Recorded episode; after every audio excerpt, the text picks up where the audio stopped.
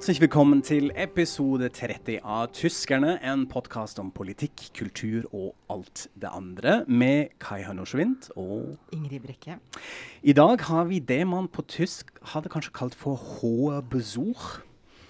Nemlig Erik Fossnes Hansen. Velkommen til oss. Tusen takk. Jeg vet ikke om det fungerer på norsk, egentlig. Høy besøk.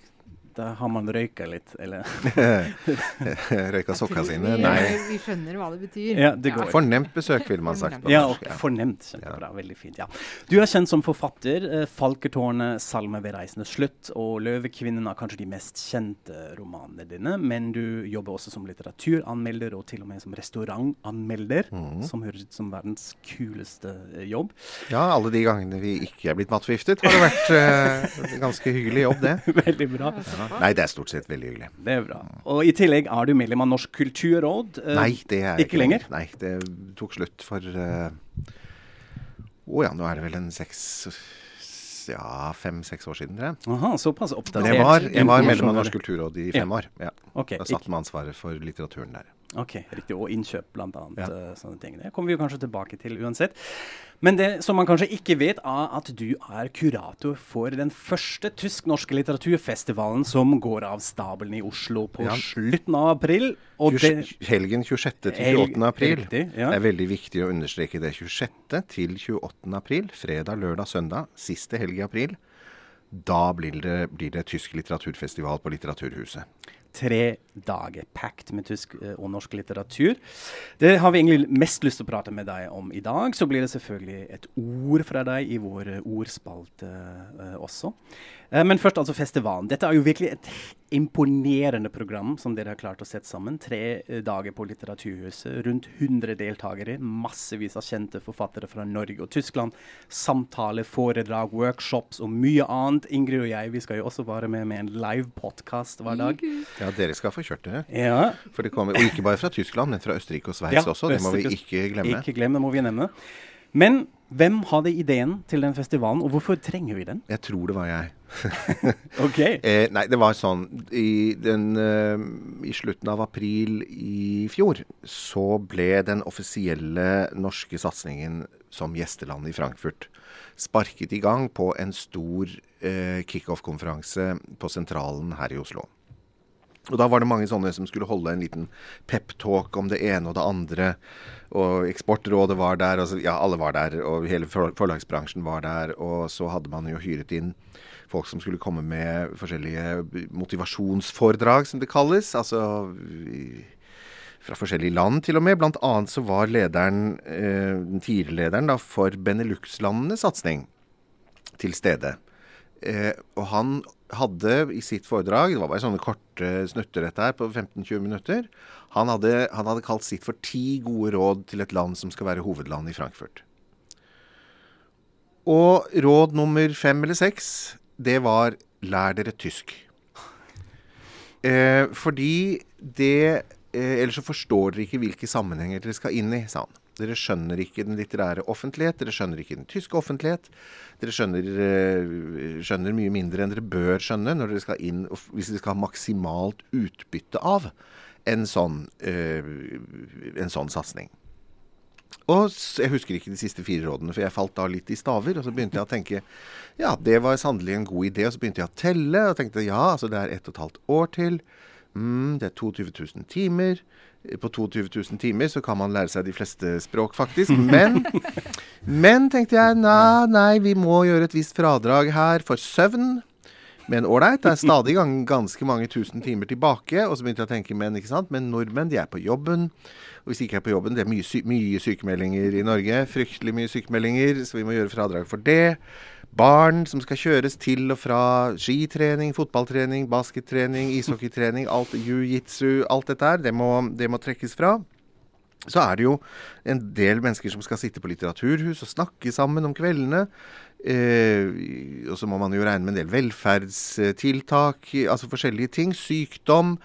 Etter hvert så begynte dette flotte antallet timer det begynte å minke sørgelig, men det var liksom stadig noen hundre timer igjen. Men så begynte jeg å tenke på at disse menneskene er jo også De er også veldig opptatt med skilsmisser og med ikke sant? Altså, altså i det hele tatt. Plutselig så tenkte jeg at Så jeg meg rundt på alle sammen. Fra kronprinsessen til Haldor Gudmundsson til alle i den norske bokbransjen tenkte det er ikke et menneske her som kommer til å lære seg tysk. Og dessuten så tror de at det er så vanskelig. Det er litt vanskelig, men det er ikke så vanskelig, da. ikke sant? Men, mm. men iallfall så tenkte jeg nei, det kommer de ikke til å gjøre.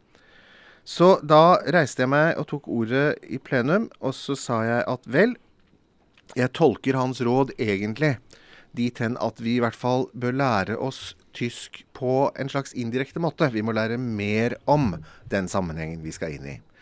Tysk litteratur stoppet ikke med Heinrich Bøll og Bertolt Brecht. Den har fortsatt etter det. Og det er en skam, sa jeg, at Eller i hvert fall et tankekors. At når øh, Når det i et normalår blir oversatt mellom 50 og 60 norske titler til tysk, og det er veldig mye Det er et normalår. Og i år Vet dere hvor mye det er i år? Par hundre? Det er 269 titler. Okay. Og det er jo mm. rene invasjonen. ikke sant? Ja. Det er altså så mange titler. Alle mm. er riktignok ikke, ikke levende forfattere. Det er noen nyoversettelser og klassikere mm. også. Men, men, det er veldig, veldig mange. Hvor mange tyske titler blir oversatt til norsk i et normalår?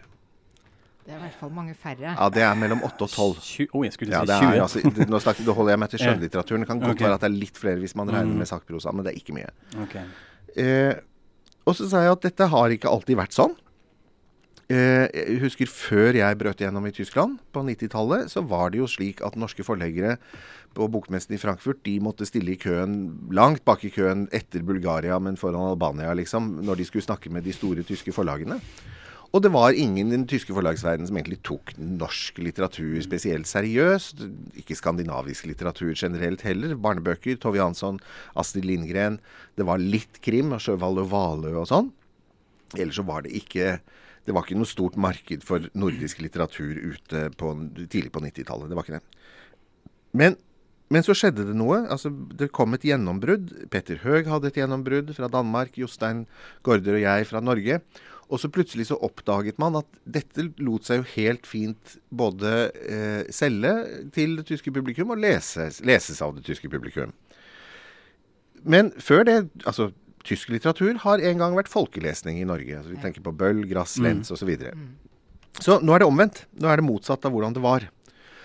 Men vi sitter jo og ser på, sa jeg, vi sitter jo og ser på Babylon Berlin. Ja, den hadde ikke begynt å gå ennå, men vi har sittet og sett på Kodam, ikke sant. Og vi har sittet og sett på uh, hva het den, Deutschland 1985.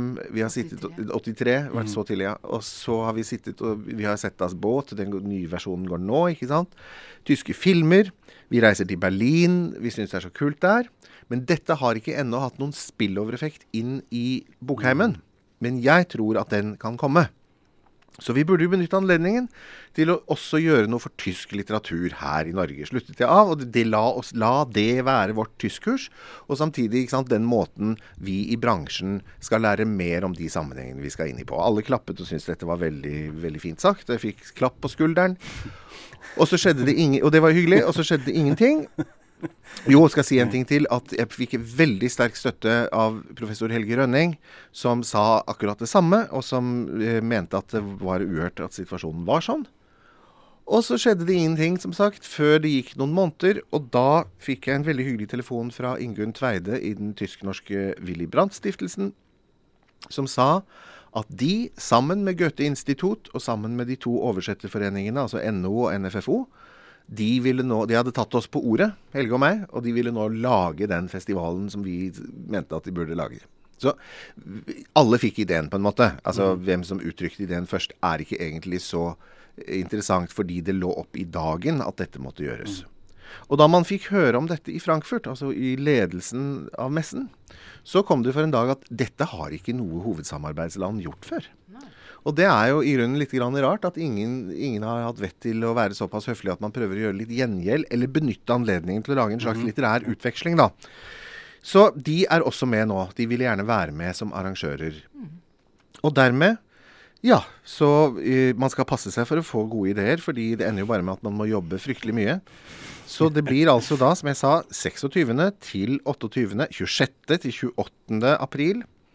Eh, altså om en måned.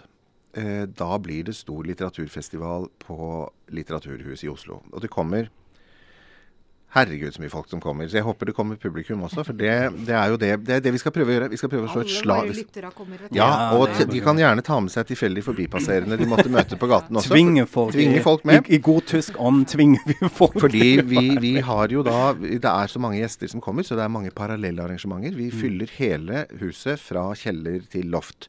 Så eh, det er ikke bare én sal som skal fylles kontinuerlig, det er mange saler som skal fylles kontinuerlig.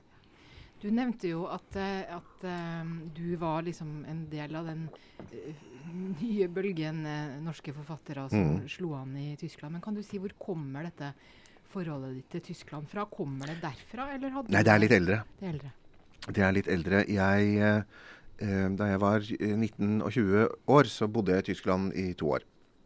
Eller halvannet. Og gikk på skole i Stuttgart. Og lærte meg tysk. Altså jeg var ikke, jeg syns ikke tysk var noe fint i det hele tatt. Jeg. Da jeg gikk på barneskolen, ungdomsskolen og gymnaset. Jeg syns det var et uh, håpløst fag. Altså bare dette med uh, disse, altså, dette ekstra kasuset. Akkusativ og dativ, liksom. Altså, hva er meningen? Ikke sant? Herregud. Ich mich mir. Ikke sant? Hva, skal det, hva skal det være godt for, da? De kan da vel si meg, de som alle andre folk. uh, og jeg hadde vel i grunnen mye av de samme assosiasjonene til tysk som jeg er redd for at ganske mange nordmenn har, nemlig at tysk som språk er et litt sånn hardt og brutalt språk. Og det henger jo også igjen sammen med vår his historisk pregede oppfatning av tyskerne som skurkene. Eh, og det er som det er. Eh, men jeg var nok preget av det. Samtidig så hadde jeg hatt tysk på skolen, så jeg hadde jo et eller annet slags grunnlag. Vi hadde kunne noen tyske sanger og noen tyske dikt. Og så hadde jeg lest litt tysk litteratur. Altså Jeg husker jeg var 17. Så fikk jeg av en kjæreste til jul i, i presang Gynter Grass 'Blikktrommen', som var en besettende og skjellsettende, vil jeg si, leseropplevelse. Ehm, og så et eller annet slags Jeg syns det var spennende og interessant. Og så skrev jeg som ganske ung min første roman, 'Falketårnet'. Og den måtte nesten foregå i Tyskland. Så da måtte jeg nesten dra til Tyskland for å sjekke at det var omtrent sånn som jeg hadde skrevet eh, om det. I hvert fall se på landskaper og gå i museer og sånn. Var det det, da? Ja, så dro, gjorde jeg det. Jeg dro ned og kunne si 'guten tag'. Og så kom jeg til Stuttgart, og der sa de 'grüß godt'. Jeg skjønte ikke noen verdens ting. Men iallfall eh, Så ble jeg værende der i halvannet år. Og så oppdaget jeg at jeg hadde tatt helt feil. Tysk var et vakkert språk. Det var et mykt språk. Det var et, et humoristisk språk. Eh, ja, tro det den som vil. Og jeg oppdaget at det var jo ufattelig mye interessant og flott litteratur skrevet på dette språket. Og så oppdaget jeg det dype, dype slektskapet med norsk. Hvor, eh, som jo går begge veier. Men eh, man lærer mye norsk av å lære tysk, for å si det på den måten. Eh, og så oppdaget jeg jo også at eh, Tyskland og det tyskspråklige området også hadde vært viktige mottakerland for norsk og nordisk kultur eh, og litteratur tidligere. Så jeg trivdes veldig i Tyskland, og jeg ble jo selvfølgelig forelsket i en tysk jente. Flere tyske jenter, faktisk, i tur og orden. Eh, sånn som man blir i den alderen. Og dro omkring i Tyskland og fikk mange tyske venner. Og, og så lærte jeg meg tysk veldig fort. Det gikk nesten av seg selv. Og jeg ble helt flytende. Og har vel siden aldri følt at jeg er fremmed når jeg er i Tyskland. Jeg føler at jeg er hjemme, egentlig. Eh, for jeg merker ikke at jeg skifter til et språk ikke, som ikke er mitt. Jeg gjør feil, jeg òg, men det er liksom det er, eh, det er mer sånn jeg, jeg, jeg blir veldig glad hver gang jeg kommer til Tyskland og kan begynne å snakke tysk igjen. For da føler jeg meg eh, Jeg kommer også i kontakt med den unge Erik, da, hvis du vil, vil si det sånn. Og så, noen år senere, så var jeg altså da så svineheldig og eh, har skrevet en bok som ble en stor, stor suksess i Tyskland. Ble bestselger. Og reiste Tyskland rundt med den, og leste opp fra den og møtte lesere og signerte bøker og, og var med i alle mulige slags eh, TV- og radioprogrammer og sånn. Og det var jo forferdelig morsomt, da. Og dessuten ekstra morsomt fordi jeg hadde et forhold til landet fra før. Slik at jeg kunne snakke Jeg kunne jo tysk, så jeg kunne jo Jeg slapp å ta det kurset. Jeg, jeg visste på en måte hvilken sammenheng jeg var i. Og da skjønte jeg at dette er veldig svært for en norsk forfatter å oppleve det. Såpass skjønte jeg. Og det da å se eh, hvert, nesten hvert år siden, så har det vært en eller to norske forfattere som har gjort det fryktelig bra i Tyskland. Eh, de har, de har vært en god del fra krimsjangeren, og det, ikke, det, er ikke noe galt å si om det. Men det har også vært mye seriøs litteratur som har gjort det veldig, veldig bra i Tyskland. Og jeg vet hvordan alle de mine kolleger har hatt det. Mm. Kan jeg hoppe inn da? Ja. Fordi det, Når du nevner lesereise, som er jo noe, kanskje det mest artige man kan gjøre, at man reiser rundt, leser fra boka si. Hvordan vil du beskrive, Er det en forskjell, da? Ty tysk publikum Oh. som kommer på en sånn lesung uh, og hører på, og hva slags spørsmål stiller de etterpå? Eller hva, hva er litt sånn stemningen, hvis du sammenligner det med Norge? Nei, det er veldig spesielt, fordi at man skulle jo tro at Altså det er ikke så veldig ofte man har sånne bokhandelopptredener i Norge. Og har man det, så kommer det ofte ikke så veldig mye folk. Men dette er jo aftenarrangementer. Bokhandelen er stengt, og dette er, da bruker man bokhandelen som salong. Eh, og det er, tror jeg, egentlig ordet salong som er stikkordet her. For det er en sånn rest av den gamle salongkulturen, hvor man, ble, man samlet seg om kvelden. Dannede mennesker, og så hørte man på litteratur og på dikt og litt musikk og sånn. Og så stilte man spørsmål, og så hadde man samtale. Og jeg var helt sjokkert første gang jeg skulle, skulle lese opp noe på en sånn eh, lesereise i Tyskland. For jeg tenkte kanskje at jeg skulle lese et kvarter og snakke et kvarter. Nei, nei. Nei, aber bitte. Ikke sant? Hansen. Nei da, en time, en stunde. Det var det de ventet. 50-60 minutter. Og deretter eh, samtale, eh, spørsmål til og fra med publikum, pluss signering etter det. Da. Eh, og jeg har jo vært på eh, sånne turneer i Tyskland. Og vært f.eks. i la oss nå si Rottweil am Neckar, da, ikke sant. Og det er midt på sommeren, og det er Europamesterskapet i fotball på TV. Og du skulle ikke tro at det kom et menneske, og det er en nydelig sommerkveld. Stappfullt. Da sitter de altså radet opp. Alvorlige tyske mennesker med Birkenstock-sandaler på føttene. Og med sånn, sånn skotskruttet skjorte som du har på deg. Ja. Og så har de eh, og så har de da, siden det er Rottweiler om Neckar, så ligger det en sånn lydig rottweiler eh, utenfor annenhver rad og liksom passer på eierne sine. Og aller forrest så sitter der Oberstudienrat eh, i Rottweil og har forberedt interessante og lange spørsmål. Eh, og dette er veldig eksotisk og veldig, veldig annerledes fra det norske reseptorapparatet. Da. Altså hvordan i, I Norge er det veldig sjelden en forfatter blir bedt om å ja, hvor, hvor kort kan du lese, er nesten egentlig opplegget her. Men der går de altså for å få dette For å få en input. Det er rett og slett som en, en, en høytlesning. Og det er en kulturopplevelse på samme måte som å gå på en konsert eller gå i teatret. Og det er jo eh, veldig morsomt å gjøre det. Jeg oppdaget fryktelig snart at det var veldig anstrengende også. Fordi en sånn lesereise tar aldri slutt, i prinsippet. Du, det er stadig nye steder å dra til. Eh, og det er av toget og på toget, og av med koffert og på med koffert, og nytt hotell og nytt hotell og nytt hotell. Men samtidig fryktelig morsomt. Og man får, man, altså, man får ikke sett så mye av Rottweil am Neckar akkurat. Man får sett hotellet. Og man får sett innsiden av bokhandelen. Eh, og så får man møtt alle disse leserne. Og da går det opp for en Gud hjelpe meg, det er et stort land, altså. Det er så stort. Det er så mye folk. Over 80 millioner mennesker. Det er noe annet, det, enn en lille Norge. Og det eh, det gjør jo sin virkning da, for de norske forfatterne som har hatt en suksess i Tyskland. Nemlig den opplevelsen av plutselig å komme ut på et stort språk. Det er noe helt annet. Wergeland klager allerede i sitt dikt 'Følg kallet' eh, om den eh, dikter som i lidet språk er født, hen i verdens hjørne støtt, med et språk der ei, lenger, der ei rekker lenger fra sin krog enn dets lebers ånde. Og klager over dette her. Og det er, hadde Wergeland helt rett i. Hadde Wergeland skrevet på et verdensspråk, så hadde han vært der oppe sammen med Goethe og Schiller og Shakespeare og sånn. Så stor er Wergeland, i, hvis man bedømmer ham, re, bedømmer ham rent sånn litterært. da? Så han skjønte veldig godt hva det ville si å være henvist da, til det lille språket. Men når du da blir oversatt, plutselig befinner deg i denne store sammenhengen, og lesereisen også går inn i Tyskland og Liechtenstein, nei, Østerrike og Liechtenstein og Sveits og sånn, så plutselig så er du i en helt annen situasjon, og det merker du også i lommeboken, naturligvis. fordi at plutselig du kan jo selge fryktelig mye flere bøker i et land som Tyskland enn, enn i, i Norge. Så det som var en av For å vende tilbake til denne festivalen, da. Jeg vet jo at det er mange av mine kolleger som har opplevd lignende ting i Tyskland. Og eh, nå kommer det altså 30 tyskspråklige Unnskyld, 40 tyskspråklige forfattere til denne festivalen. Mange av dem er store i sine hjemland. Men de er ikke nødvendigvis spesielt kjent her. Noen få er det.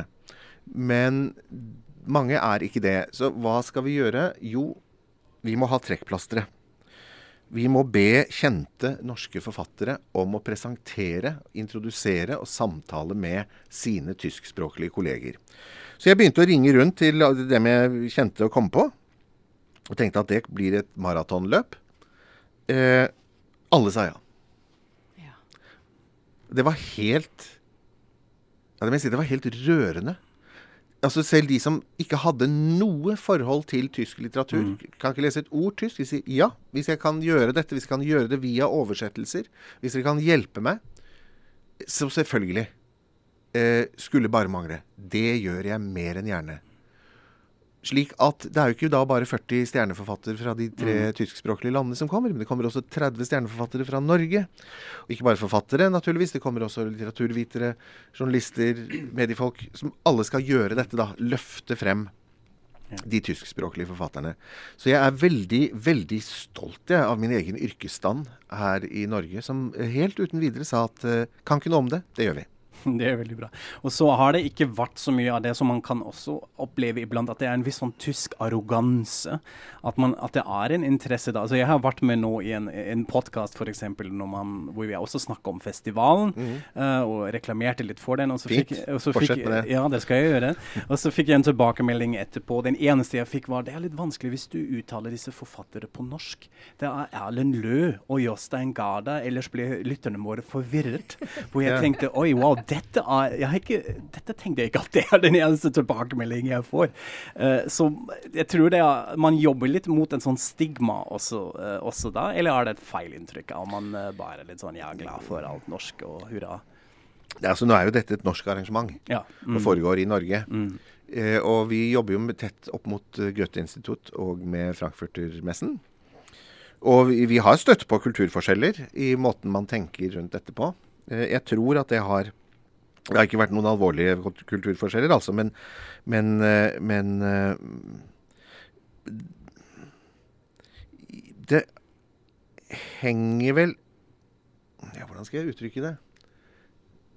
Ikke sant? Jeg tror det henger, med, tror det henger sammen med størrel, forskjellig størrelse. Mm. At i Norge så kan vi ikke vente alltid på at vi skal ha mange møter og beslutningskomiteer og lange brev og, og, og rapporter frem og tilbake. Vi, vi, kan ikke, vi kan ikke holde på sånn, fordi vi, har, vi er vant til å ha flere hatter på. Og så tar vi av oss den ene hatten, og så putter vi på oss den andre hatten, og så sier vi vi legger i vei. Og så, blir, så løser vi problemene mens vi går. Mens eh, eh, de andre, eh, våre gode tyske venner, er nok litt mer forsiktige. Det har vi kunnet merke. De er litt mer uh, Ja, de vil gjerne være, være helt sikre på at alt er veldig kvalitetssikret og gjennomtenkt på forhånd. Eh, og jeg tenker at den ene metoden er like god Altså den ene innfallsvinkelen er like god som den andre. Men det er klart at i sånne situasjoner så kan det oppstå uh, visse kulturkollisjoner fordi man ikke skjønner hverandre. På den annen side, de som sitter på norsk side her, uh, og det er jo Merete Frans og Bianca Halvorsen og, og Ingunn Tveide og Helge Rønning og jeg og jeg mener, vi, vi kan jo litt om Vi har jo møtt tyskere før. Ja. Så vi, vi, vi kjenner jo på en måte dem. Og dette er jo også særlig disse fantastiske medarbeiderne på Goethe-institutt. De er jo her. Så eh, dette, er, eh, dette er hindre som har eh, veldig lett kunnet la seg eh, overstige, altså. Ja. Jeg tror vi må ha det her tilbake etter festivalen og se hvordan dette klasjer mellom de flere norske hatter og tysk byråkrati har, har fungert. Men la oss snakke Nei, litt om, om, om festivalen selv. om forfatteren som kommer. Du skal jo være med i flere samtaler, Mm. du også. Blant annet skal du snakke med Judith Herman, som jeg gleder meg veldig til. Ja, det skal bli morsomt. Eh, Hun har skrevet en bok som heter 'Sommerhaus Spete', som jeg har lest litt i, i, hvert fall. Som sier mye om Berlin på slutten av 90-tallet. Um, og nå prøver hun kanskje å gå litt bort fra det og bli en sånn Berlin-forfatter. Hva skal du snakke med henne om? Hvordan ble det? Du, det vet jeg ikke. Rett og slett fordi at eh, jeg har ikke begynt å forberede meg på den samtalen ennå. Eh, for til nå har jeg bare vært involvert i det organisatoriske. Eh, så jeg vet at jeg skal snakke med henne, og jeg vet jo hvem hun er. og Jeg har lest flere bøker enn henne, men jeg, jeg har ikke lagt opp noe løp for samtalen ennå. Så det er morsomt at du spør, men, men, men du må ikke spørre om det, fordi jeg, jeg kan ikke forklare deg det riktig ennå. Hvis du hadde spurt om 14 dager, så hadde jeg visst det. Vi vrir dette om til enda en teaser. Kom og hør på Erik Fossen som snakker med Ja. eh, Judith Herman. Vi vet ikke helt hvordan Ja, det skal bli. Jeg skal snakke med Kristoffer Hansmeier, Ja. f.eks. Han har jeg intervjuet før, for mange år siden, Mhm. og kjenner ham godt fra før. Eh, jeg skal snakke om Goethes eh, Faust, for vi skal jo også ha en serie med tyske klassikere for dummies. Mhm. Eh, hvor jeg tror et høydepunkt vil bli når Dag Solstad skal snakke om Josef og hans brødre av eh, Thomas Mann. Mhm. Det tror jeg blir meget interessant. Eh, jeg må også nevne at vi naturligvis, siden vi snakket om språklig likhet og slektskap mellom eh, tysk og norsk, så skal jo Helene Uri ha eh, tysktime. Og vi skal ha en Tyskland-quiz. Og naturligvis, eh, Kafé Oslo omdøpes til Kafé Frankfurt. Og skal bare servere østerriksk, sveitsisk og tysk mat og drikke de dagene dette står på. Bokhandelen Tannum eh, blir til Das Tannum. Og skal i så stor grad som mulig forsøke å, få å selge bøker av, eh, av de nærværende gjestene.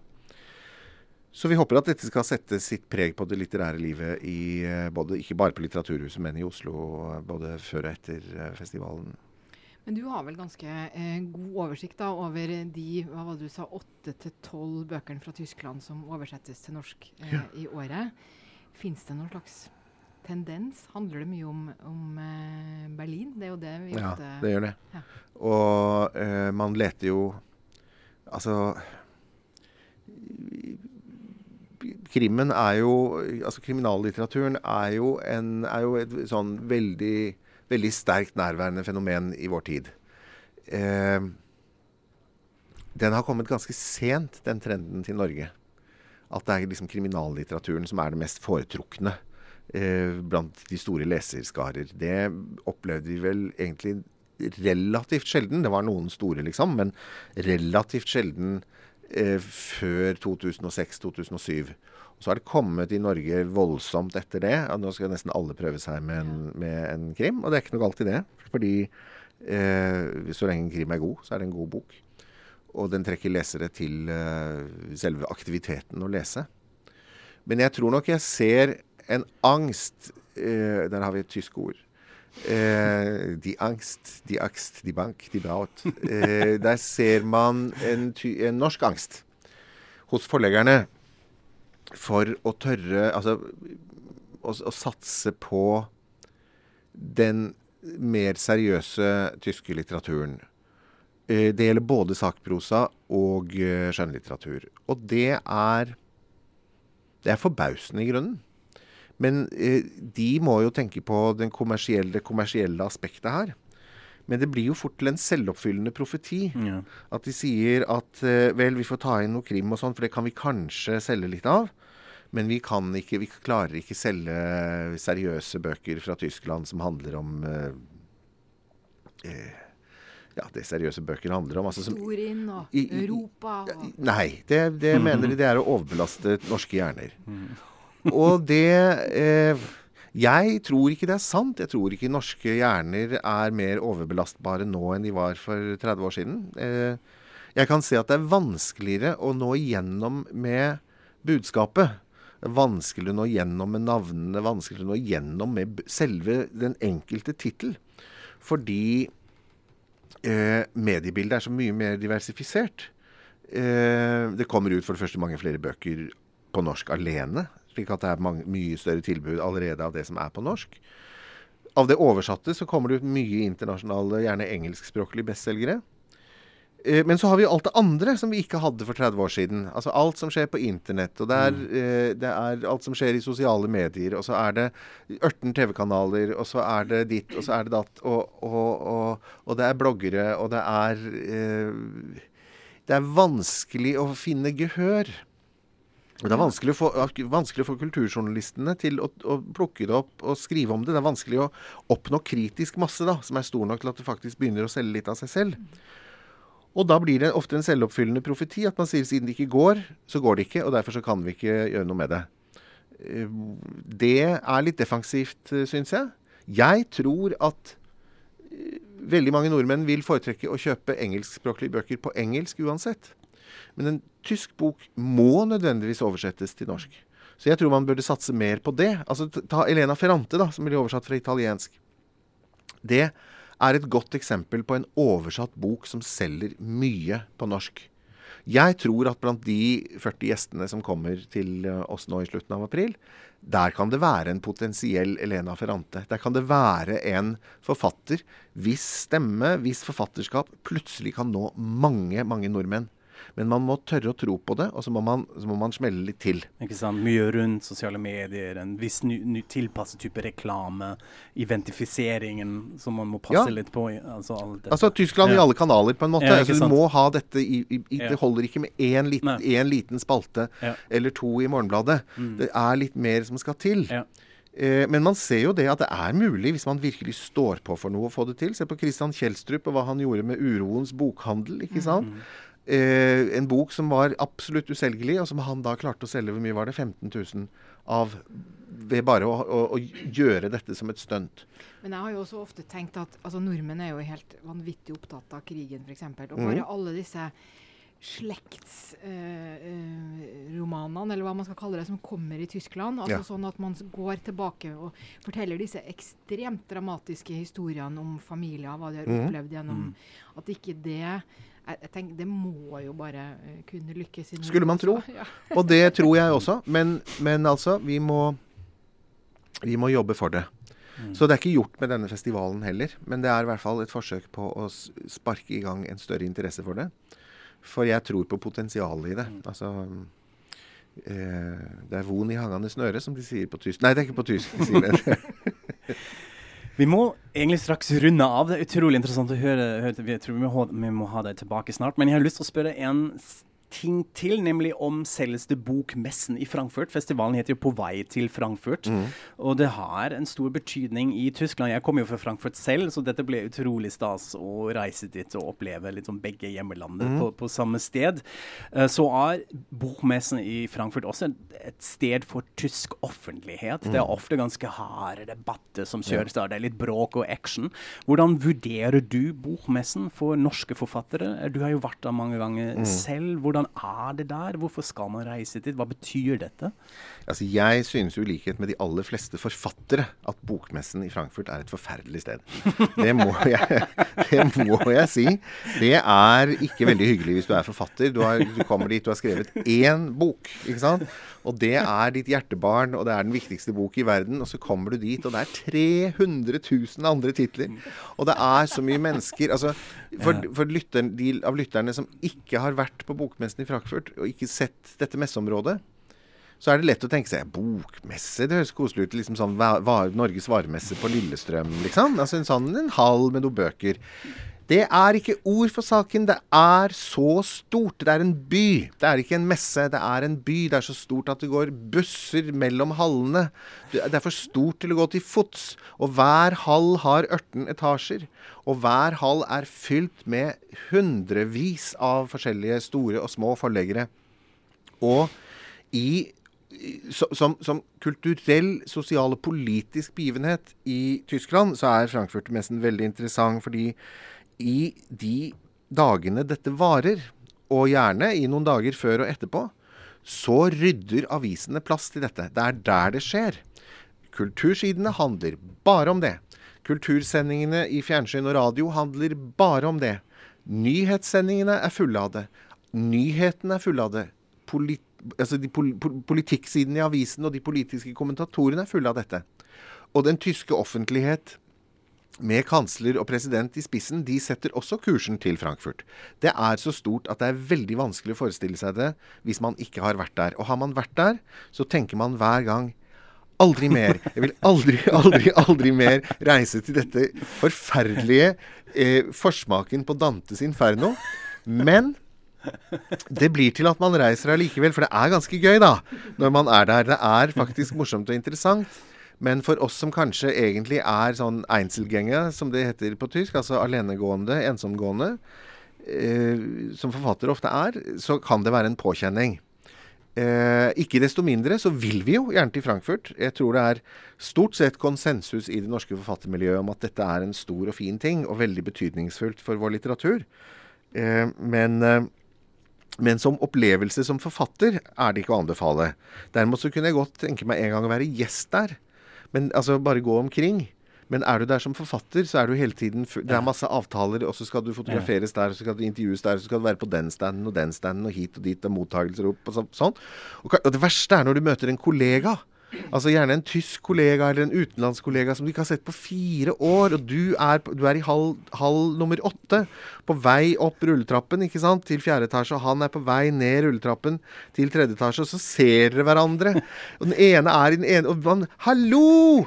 Hallo! Hvordan går det med deg?' 'Ja takk.' Vinker og vifter. 'Hallo! Nei, men så hyggelig. Kanskje vi skulle prøve å møte ja, og Det blir ikke noe Det var liksom Det var møtet da med din kollega og med Det var hele utvekslingen av litteratur. Fordi Bokmessen i Frankfurt er jo også i veldig høy grad en salgsmesse. Der selges og kjøpes rettigheter internasjonalt. Og egentlig eh, så kommer det litterære litt sånn i sekundær rekke der. I motsetning til en litteraturfestival, som jo fokuserer på det litterære innholdet. Mm så er, så er det Bokmessen i Frankfurt er både børs og katedral, men mye børs. Ja. Mm. Så trenger man veldig gode sko. Det har jeg lært etter hvert. Oh, Gud, Hvis du ja, går rundt da en hel dag, så har du både Du har den bakgrunnlyden. Oh, på kvelden når du er på hotellet eller hjemme, så har du den fortsatt. det. Suser i ørene. Det suser i ørene. Og føttene verker. Forferdelig. Ja. Og, ser, og, og det, disse sånne tyske fotpleieproduktfabrikanter, de selger sånne gnagsårplaster og kremer og sånn. Fordi de vet at Sponsored. Ja, det, det, det Skjold, står det. Så, Wissen Sie, dass 59 der Bundesbürger von Fußbeschwerden leiden? altså, så, og det Nei, er det så mange? Usj, ja. Så de, er, eh, så de er til stede med kremer og, og sånne dempende plastre. Det trenger man. Litteratur må uh, gjøre vondt. Nei, altså man opplever det er omtrent altså, egentlig som å gå rundt i Roma. Altså oppleves best ja. gjennom føttene. Litteratur i Frankfurt oppleves gjennom føttene.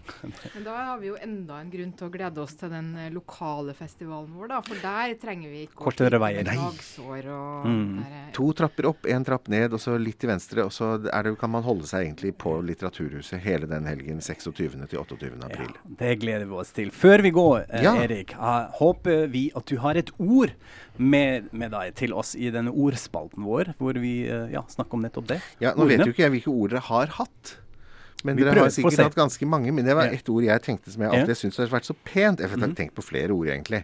Fordi for en forfatter så er jo i prinsippet er alle ord likeverdige og like interessante. Mm -hmm.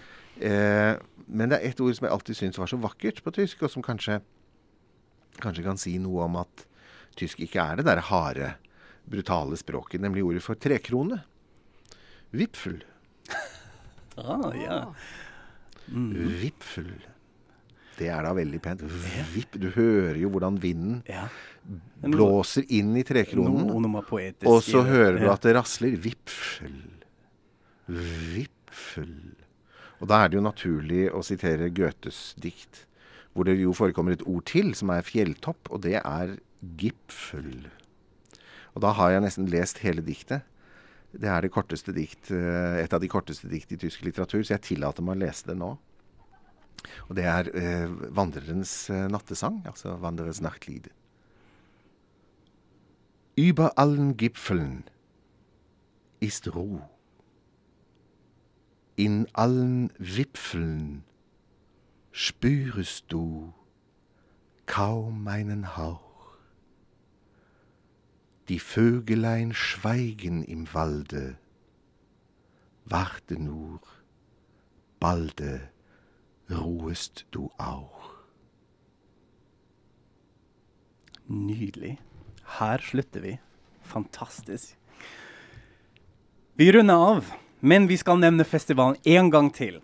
Tysk-norsk litteraturfestival på vei til Frankfurt fra 26. til 28. april på Litteraturhuset i Oslo. Det hele er gratis, eller gratis, aber nicht umsonst, som det heter på tysk. Vi sier tusen takk til deg, Erik Fosnes Hansen. Takk til alle som hørte på oss. Følg oss på Facebook, lik og del, og vi hører snart av Wiederhøren.